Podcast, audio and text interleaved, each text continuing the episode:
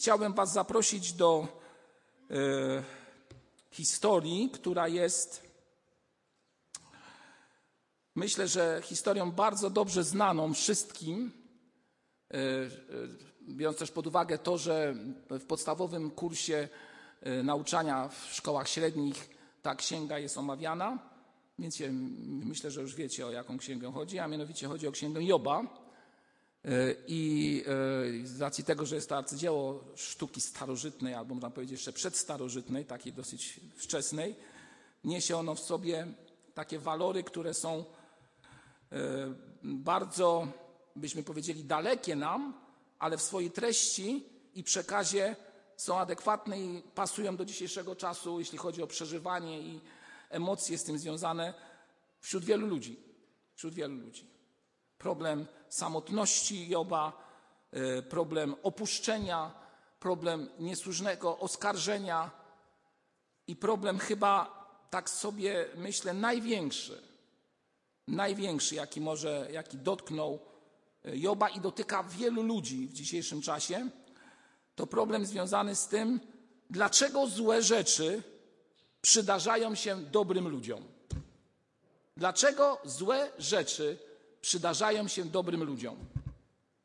Oczywiście to jest takie bardzo trudne do określenia, co to znaczy dobrym ludziom, tak? bo niektórzy będą mieli różne definicje tego, ale myślę, że generalnie jest jakaś tam wykładnia, jakiś fundament rozumienia, że ktoś jest dobrym człowiekiem. A więc dlaczego tak dzieje się, że właśnie coś takiego przychodzi na człowieka? Dlaczego dla niewinnego człowieka przychodzą doświadczenia, które często przekraczają jego siłę, tak jak to mamy na przykład na uwadze, patrząc to, co, na to, co dzieje się na wschodzie. No i myślę, że właśnie Księga Joba jest taką księgą, w której możemy odnaleźć jakąś odpowiedź na to pytanie patrząc przez perspektywę Joba. My mieliśmy ten przywilej, że wraz z grupą e, osób tutaj, e, które uczęszczały na nabożeństwa środowe, spotykaliśmy się po nabożeństwie, aby tą księgę dosyć dobrze studiować i omówiliśmy ją po kolei, każdy rozdział, rozdział po rozdziale i tam też było dużo ciekawych wniosków. Także dla tej grupy ku przypomnieniu, a dla nas wszystkich ku zachęceniu będę chciał teraz z Bożą pomocą tych kilka słów do Was skierować. Trzy lekcje, które możemy wyciągnąć z księgi Joba będą moim udziałem dzisiaj w przekazie tego, co e, znalazłem właśnie w tej szczególnej księdze, w tej szczególnej księżce. Myślę, że każdy z nas ma świadomość e, tego, co wydarzyło się, e, jeśli chodzi o życie człowieka sprawiedliwego. Człowieka sprawiedliwego. Był mąż w ziemi Uz, to księga Joba, rozdział pierwszy, wiersz pierwszy, imieniem Job. A mąż ten był nienaganny i prawy, bogobojny i stroniący od złego. No, chyba każdy chciałby mieć opis, gdyby ktoś napisał Marek Budziński i te słowa. To ja bym był bardzo, że tak określę, jak to księga starożytna, to ja starożytnym słowem, staropolskim słowem byłbym kontent, gdyby tak się stało. Więc powiem wam tak, że hmm, Piękne słowa, a jednak okazuje się, że ten człowiek, który mm, był w sposób szczególny błogosławiony przez Boga, między innymi przez to, że miał dziesięcioro dzieci, był bardzo zamożny, został oskarżony, dosłownie został oskarżony przez tego, który ciągle oskarża, także i teraz. I powiem więcej, nawet w tej chwili oskarża każdego z nas przed Ojcem w niebie czy tego chcemy, czy nie chcemy, bo tak to działa. A więc ten człowiek prawowity, nienaganny, został oskarżony przez szatana. O co? O to, że jest dlatego tak wierny Bogu, bo Bóg mu błogosławi. Pan Bóg mu tak, tak dużo dał, więc on w ten sposób chce Bogu się odwdzięczyć i jest wobec Boga wiernym człowiekiem. Nie rozumiem tych opisów, które są tutaj opis, e, przedstawione, e, związane z e, jakimś spotkaniem gdzieś w szczególnym miejscu i to spotkanie, na tym spotkaniu oprócz odpowiednio przygotowanych do tego miejsca ludzi, się ludzi, duchów bożych, tak trzeba powiedzieć, ludzi to złe określenie, pojawia się też szatan, który swobodnie staje przed Bogiem. Ten, który został zrzucony, ma możliwość oskarżania. Aż boję się powiedzieć, pertraktowania z Bogiem o życie ludzkie? No ale tak z tej księgi wynika. Powiem wprost, dyskutuje z Bogiem na temat człowieka. Gdyby przenieść to na naszą rzeczywistość, bym powiedział, dyskutuje nad Twoim i moim losem?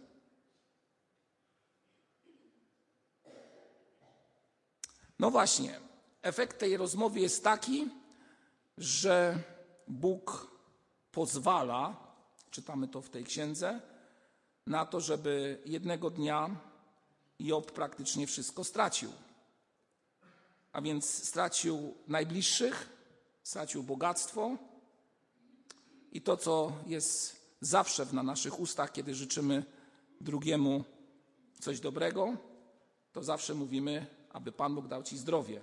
A więc Job traci zdrowie. Czyli de facto wszystko. I myślę, że tą historię bardzo dobrze znamy. Tą historię bardzo dobrze znamy. Tak więc nie będę jej przedłużał, bo każdy sobie może przeczytać informacje, które są zapisane w pierwszym i drugim rozdziale Księgi Joba i znajdzie tam właśnie sprawy, które zostały tutaj przeze mnie przedstawione, znacznie lepiej opisane i znacznie lepiej przedstawione. Tak czy inaczej, e, idąc dalej w tym naszym rozważaniu e, i czytając Księgę Joba, widzimy przyjaciół. Przyjaciele to są ci, którzy generalnie powinni wspierać drugiego człowieka, ale e, tak się dzieje, że chyba tego doświadczyliście, tak myślę sobie, także w waszym osobistym życiu, że kiedy przychodzą największe doświadczenia w życiu człowieka i próby, to bardzo często przyjaciele zawodzą. Bo albo nie potrafią, nie wiedzą, jak się zachować, a może, a może, i tutaj postawię trzy kropki, chcą czegoś więcej? Moi drodzy, przyjaciele to wcale nie tak, że zawsze są dla nas ludźmi, którzy potrafią zrozumieć, którzy są otwarci, którzy potrafią dobrze doradzić. Okazuje się, że gdy czytamy Księgę Joba, widzimy, że doradztwo tych, którzy przyszli do niego, de facto jest niczym innym jak ośmieszaniem albo pokazywaniem Boga w sposób karykaturalny. Bóg, który jest przedstawiany przez tych trzech przyjaciół, którzy przyszli do Joba, jest przedstawiony jak, jak jakaś karykatura dobra. Niby brzmi pięknie, niby wygląda cudownie, a w rzeczywistości jednak to nie jest ten prawdziwy Bóg. To nie jest ten, którego my znamy, przez, który został objawiony przez Pana Jezusa Chrystusa. Ale jednak, pomimo tych doświadczeń, a więc straty, wynikającej straty samotności, którą doznał Job, i potem dziwactwa, tak to mogę określić, w wypowiedziach przyjaciół, w cudzysłowie oczywiście przyjaciół, Job nie traci wiary. Nie traci wiary. Tak po ludzku byśmy mogli powiedzieć, że gdy coś przychodzi nagle, to człowiek jest w absolutnym szoku i dopiero po jakimś czasie, gdy następuje refleksja po tym, co się stało, człowiek może popaść w depresję, a często, a może nawet jeszcze częściej niż depresja, pojawia się w życiu człowieka bunt, który doprowadza go do tego, że w takim nagłym uniesieniu po stracie i trudnościach, które przyszły, tak jak powiedziałem, w sposób nieoczekiwany, człowiek e, w gniewie, który jest w nim na skutek tego wydarzenia, wypowiada słowa, które niekoniecznie są przyjemne dla Boga. Niektórzy nawet Boga przeklinają. I to ma szczególnie miejsce, gdy czyta się relacje wojenne, kiedy widzimy obraz e, płaczącej matki albo bliskiego nad zabitym bliskim. Już nie chcę tutaj wzbudzać zbyt mocnych emocji, ale trzeba by powiedzieć, gdy widzimy płacz nad dzieckiem. I wtedy człowiek ma w swoim wnętrzu takie pokłady, że gdy nie jest w stanie, gdy nie ma wiary w sobie, wiary w Boga, to jedyne co może powiedzieć to albo wydać z siebie to krzyk rozpaczy i krzyk przekleństwa Boga. I to już jest y, taki, y, można powiedzieć, stan, który doprowadza do tego, że człowiek się zamyka i bardzo często ucieka od tego wszystkiego, w czym jest, a najgorsze jest to, że ucieka także i od Boga. Ucieka od Boga. Jednak patrząc na życie e, Joba, widzimy, czy też mamy świadomość tego, że Job ma przekonanie o tym, że Pan Bóg działa wobec niego, ale także wobec innych ludzi w sposób przemyślany i nie jest to działanie przypadkowe. Ja mam świadomość tego, co teraz mówię, moi drodzy, nawet w konsekwencji tego, co dzieje się na wschodzie. Czy jest to działanie przemyślane przez ludzki rozum? Nie będę dyskutował na ten temat, bo jestem zbyt mały, żeby mrówka mogła dyskutować ze słoniem, jak mówi Louis w swoich tekstach. Powiem tylko tyle, że Job pokazuje w swojej postawie wzorce dla ciebie i dla mnie, które mogą być właśnie w takich chwilach bardzo pomocne. Jesteśmy w okresie pasyjnym, czyli w okresie szczególnym, w którym będziemy wspominać to, co uczynił dla nas Jezus Chrystus, który stępując z nieba tutaj na ziemię, oddał swoje życie na krzyżu Golgoty w sposób heroiczny, tak byśmy mogli powiedzieć, niesamowity, oddając coś pełnej niewinności, abyśmy my mogli żyć, pokazał nam drogę dojścia do Ojca w niebie. Stary Testament i Księga Joba pokazuje nam obraz nie Boga, ale zwykłego człowieka, jakim jest Job, i pokazuje nam jego dylematy oraz jego pytania i jego próby odpowiedzi na to, co go spotyka. I chciałbym, abyście zastanowiwszy się nad tym, powiedzieli sobie, jak to wygląda w Twoim i moim życiu. Pierwszy tekst, do którego Was pragnę zachęcić, to fragment z Księgi Joba, rozdział 13, wiersz 15. I tam Job mówi takie słowa. Księga Joba, rozdział 3, wiersz 15. Tak czy owak, on mnie zabije. On z dużej litery, czyli Bóg. Już nie mam nadziei. Jednak swojej sprawy będę przed nim bronił. Jednak swojej sprawy będę przed nim bronił. Zadałem sobie trud, aby przeanalizować ten fragment. Trud to może złe słowo. Ciekawość mnie pchnęła do tego. Czy faktycznie tak ten fragment mógłby być przetłumaczony dosłownie? Nie jestem hebraistą, ale no, są materiały do tego. Tak czy owak, on mnie zabije, czyli Job jest pewny swojego odejścia i śmierci tak myśli, że ta choroba, ta strata jest jak gdyby związana z decyzją Boga o tym, że on będzie musiał odejść z tej ziemi. I mówi: Już nie mam nadziei.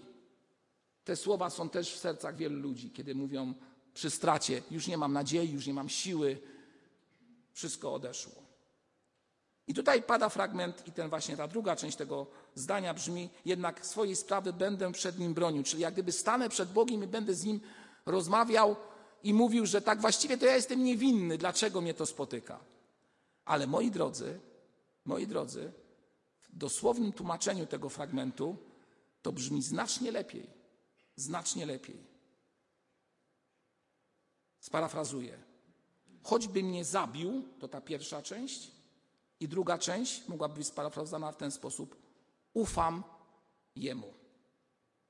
Czyli nie tyle, że będę bronił sprawy przed nim, tylko ufam Jemu, że On w tym wszystkim wyprowadzi mi i doda mi siły. Nie wiem. Zadaję sobie pytanie, dlaczego nie zostało to tak przetłumaczone? No przecież to by oddało zupełnie inny wymiar tego tekstu, moi drodzy. Ufać, kiedy człowiek traci? No, słuchajcie, to jest niesamowite, niesamowita mądrość. Człowiek jest w stanie rozkładu, jego ciało jest w stanie rozkładu, wie, że ma odejść i mówi: To nic, ja i tak Boże Tobie ufam. Jaki to jest obraz? Czego jest taka postawa obrazem? Wiary, ale nie tylko wiary. moi drodzy. Myślę, że wiara to jedno, ale kwestia miłości do Boga i relacji z Nim to jest istota sprawy. On wie, że chociaż został doświadczony w taki, a nie inny sposób, to on Bogu ufa. Do końca ufa. I on wie, że Pan Bóg w tym trudnym stanie nie zostawi go. Nie zostawi go nigdy. Po człowieku, który mówi, że kocha, a nie kocha, a są tacy ludzie, którzy mówią, że kochają, a nie kochają, czego możemy się spodziewać? Możemy się, możemy się spodziewać wszystkiego, bo nie wiemy do końca, co zrobią. Po dzisiaj może powiedzą tak, a jutro powiedzą inaczej. Dlaczego? Bo nie ma w nich miłości do drugiej osoby. Człowiek zaś, który kocha prawdziwie i ufa Bogu prawdziwie, w swoim słowniku czy też w swoim zachowaniu nie ma wątpliwości. On po prostu w miłości wszystko powierza Bogu. I niezależnie co na niego przyjdzie jaki będzie jego stan, on Bogu ufa całkowicie. Zastanówmy się nad tym i przenieśmy to także do naszych relacji rodzinnych, do naszych relacji w zborze. Czy potrafimy ufać sobie wzajemnie przez pryzmat miłości, czy też przez jakiś inny pryzmat? Czy potrafimy zaufać Chrystusowi całkowicie i powierzyć, tak Panie, ufam Tobie, ale pamiętajcie, słowo ufam to nie jest powiedzenie sobie czegoś tak po prostu. Jeżeli ufam, to ufam do końca. Jeżeli ufam, to na dobre i, i na złe. A to już jest trudniej, kiedy przychodzi zło. Pierwsza lekcja, którą sparafrazujemy tym krótkim zdaniem, które już no, wcześniej zostało przeze mnie wypowiedziane. Choćby mnie zabił, albo inaczej doświadczył, mówimy, ufam mu. Druga lekcja, szesnasty rozdział, wiersz dziewiętnasty. Rozdział szesnasty i wiersz dziewiętnasty. A tam czytamy. Już teraz mam świadka w niebie i swego orędownika na wysokościach. Moi przyjaciele naśmiewają się ze mnie. Ku Bogu spogląda we łzach moje oko. Aby rozstrzygnął na korzyść męża jego sprawę przed Bogiem. No właśnie, kogo Job szuka w niebie? Kogo on tam szuka? Szuka orędownika, który stanie przed Bogiem i będzie bronił jego sprawy. Szuka orędownika, który stanie przed Bogiem i będzie bronił jego sprawy. To jest, myślę, że ważne. Zadałem sobie pytanie i Wam też pragnę je teraz zadać. Czy jest to możliwe, aby Bóg był sędzią i obrońcą jednocześnie? Czy jest to możliwe, aby Bóg był sędzią wymierzającym karę i obrońcą jednocześnie? Trudne, nie? Nie jest to takie oczywiste. Stąd też możemy domniemywać, że szukanie przez E, Joba, orędownika w niebie, powoduje, że on ma nadzieję, że przed tym sprawiedliwym Bogiem, suwerennym Bogiem jest ktoś, kto będzie w jego sprawie zabierał głos.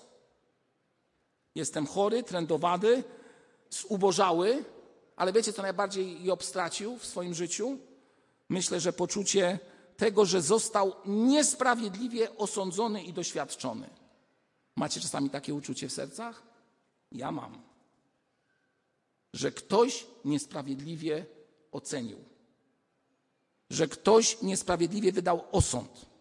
Wypowiedział zdanie. Zrobił coś przeciw. I Job, kiedy czytamy ten fragment Słowa Bożego, widzimy, że ma w sercu, to widać z tego, co on mówi, taki jakiś dyskomfort.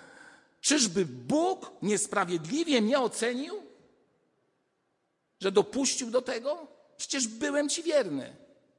Byłem Ci wierny na dobre i na złe. A więc potrzebuję tego świadka. Potrzebuję świadka w niebie.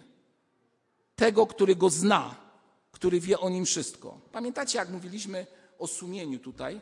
i mówiliśmy, że sumienie w życiu człowieka to taka, taki, taki obszar, byśmy powiedzieli, w którym e, człowiek ma niesamowitą świadomość współwiedzy, czyli że ja wiem, co jest w moim sumieniu, ale nie tylko ja wiem, wie też Ojciec w niebie. Czyli On wie, co jest we mnie, bo mnie zna całkowicie. I zobaczcie dyskretną różnicę. Mówimy, że znam kogoś, mogę powiedzieć, no nie wiem, że znam brata Konstantego, tak? Znam go, ale nie mogę powiedzieć, że wiem o nim wszystko, bo nie mam tej wiedzy. Bóg może powiedzieć, że zna mnie. Mogę, mogę powiedzieć w ten sposób: tak, wiem, że Bóg zna mnie, ale Bóg zna nie tylko mnie jako Marka, ale zna także to, co jest w moim wnętrzu, co jest w Twoim wnętrzu. I to jest niesamowite. A jeżeli zna i wie, co jest w Tobie, konsekwencją tego jest bardzo istotna sprawa. A mianowicie to, że rozumie Twój ból i rozumie to, w którym miejscu teraz jesteś. A jeżeli rozumie i potrafi być z tym wszystkim w Tobie, bo sam przyszedł tutaj na ziemię, aby być pośród nas i doświadczył śmierci, to śmierci krzyżowej, jak czytamy w Nowym Testamencie, rozumie Twój ból, rozumie Twoją stratę, rozumie Twoją samotność i już nie jesteś sam w tym momencie. I to jest druga lekcja, moi drodzy. Ci, którzy ufają Panu, nie są sami w swoim życiu, bo Pan stoi przy nich, orędownik stoi przy nich, przed Ojcem w niebie. Zaraz do tego dojdziemy dalej. Nie jesteś sam. W dzisiejszym czasie, moi drodzy, najbardziej, najbardziej z mojego doświadczenia duszpasterskiego widzę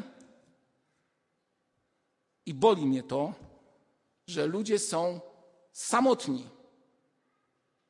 Ta samotność doprowadza do czego? Pracują ponad miarę, biegną nie wiadomo gdzie, próbują zagłuszyć swoją samotność. A ta samotność aż krzyczy z ich ust, z ich twarzy, że potrzebują czegoś, kogoś. Jeżeli nie ma Boga, no to w ogóle nie ma żadnej nadziei. Co, kolejny psychoterapeuta? Ja nie mam nic przeciwko temu, żeby było jasno. To nie jest negacja. Jeżeli ktoś chce, nie ma problemu. Ale raczej idźmy i szukajmy pomocy u tego, któremu możemy ufać. Trzecia lekcja, muszę przyspieszyć, bo widzę, że jakoś tak. Ale to są ważne lekcje, moi drodzy. Ja wam szczerze, przez cały tydzień siedziałem nad tym fragmentem. Jeszcze wczoraj o godzinie 11 wieczorem też siedziałem nad tym, bo chciałem przekazać wam to, co jest w moim sercu i co jest według mnie istotne z tej księgi. Najistotniejsze z tej księgi. I to, co jest chyba klucz, czy też tym głównym skopusem księgi, czyli tą główną myślą księgi, to fragment z 19 rozdziału, wiersze 25 do 27. I tam czytamy w 19 rozdziale, wierszach 25 do 27 takie słowa. Mówi Job, lecz ja wiem, że odkupiciel, to ten odkupiciel, o którym czytaliśmy przed chwilą, mój żyje i jako ostatni stanie nad moim prochem, że potem, chociaż moja skóra jest tak poszarpana, uwolniony od swego ciała, będę oglądał Boga. Tak ja sam ujrzę Go i moje oczy zobaczą Go, nie kto inny. Moje nerki zanikną we mnie, za tym tęsknię. Moje nerki, czyli wiecie, mówiliśmy o tym, że nerki są siedliskiem uczuć. Tak to w Starym Testamencie było przekazywane. A więc o czym czytamy tutaj? Czytamy tutaj o tym, który jest odkupicielem. Z języka oryginalnego na pewno znacie ten termin goel. Ten, który jest wybawicielem.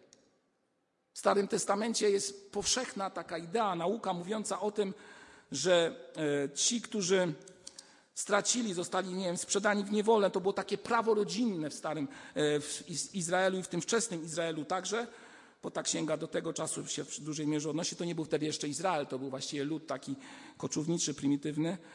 A więc e, jest tam ta idea orętownika, który potrafi zatroszczyć się o tych, którzy niesprawiedliwie zostali e, na przykład sprzedani w niewolę. On ich wykupi. Ten obraz Rut, pamiętacie, i Boaza.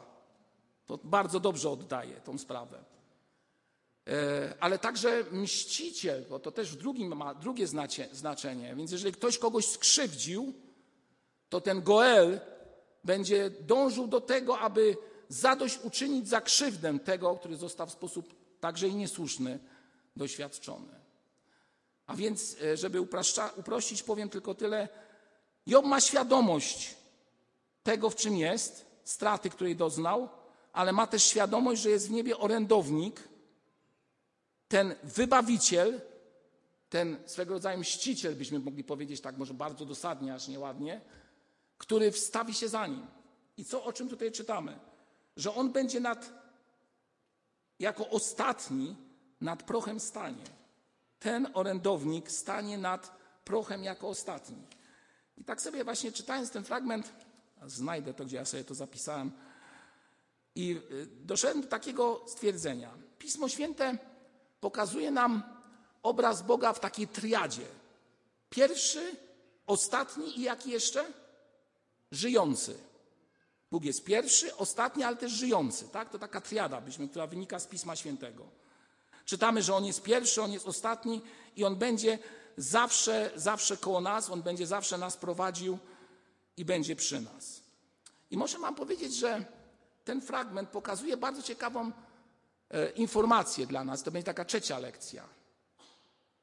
Że pomimo tego, że człowiek jest e, w miejscu, czy też zmierza do miejsca, w którym coś się zakończy, czyli tutaj to symbolizuje opis prochu, to jednak właśnie w tym miejscu mamy nadzieję.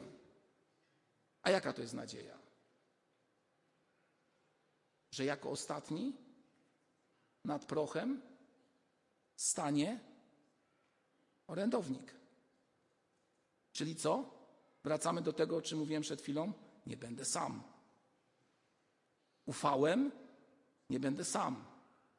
I proch jest, uwaga, początkiem historii, a nie końcem wszystkiego. Niesamowita sprawa. Dlaczego? Dlatego, że jest orędownik przed Ojcem w niebie. Czy Bóg może być sędzią i obrońcą w swojej sprawie? Wrócę do tego pytania. Może. Dlaczego? Poprzez Jezusa Chrystusa. Mamy prośbę do Ojca w niebie, abyśmy nie podlegali suwerennemu i właściwemu wyrokowi, który brzmi: zapłatą za grzechy jest śmierć. Bo ten orędownik, Jezus Chrystus, stoi przed Ojcem w niebie i jeżeli Jemu ufamy, nie jesteśmy sami, kiedy staniemy przed Ojcem w niebie, tu, w tym miejscu, Wam i sobie obiecuję, nie będziecie sami. Amen? Amen.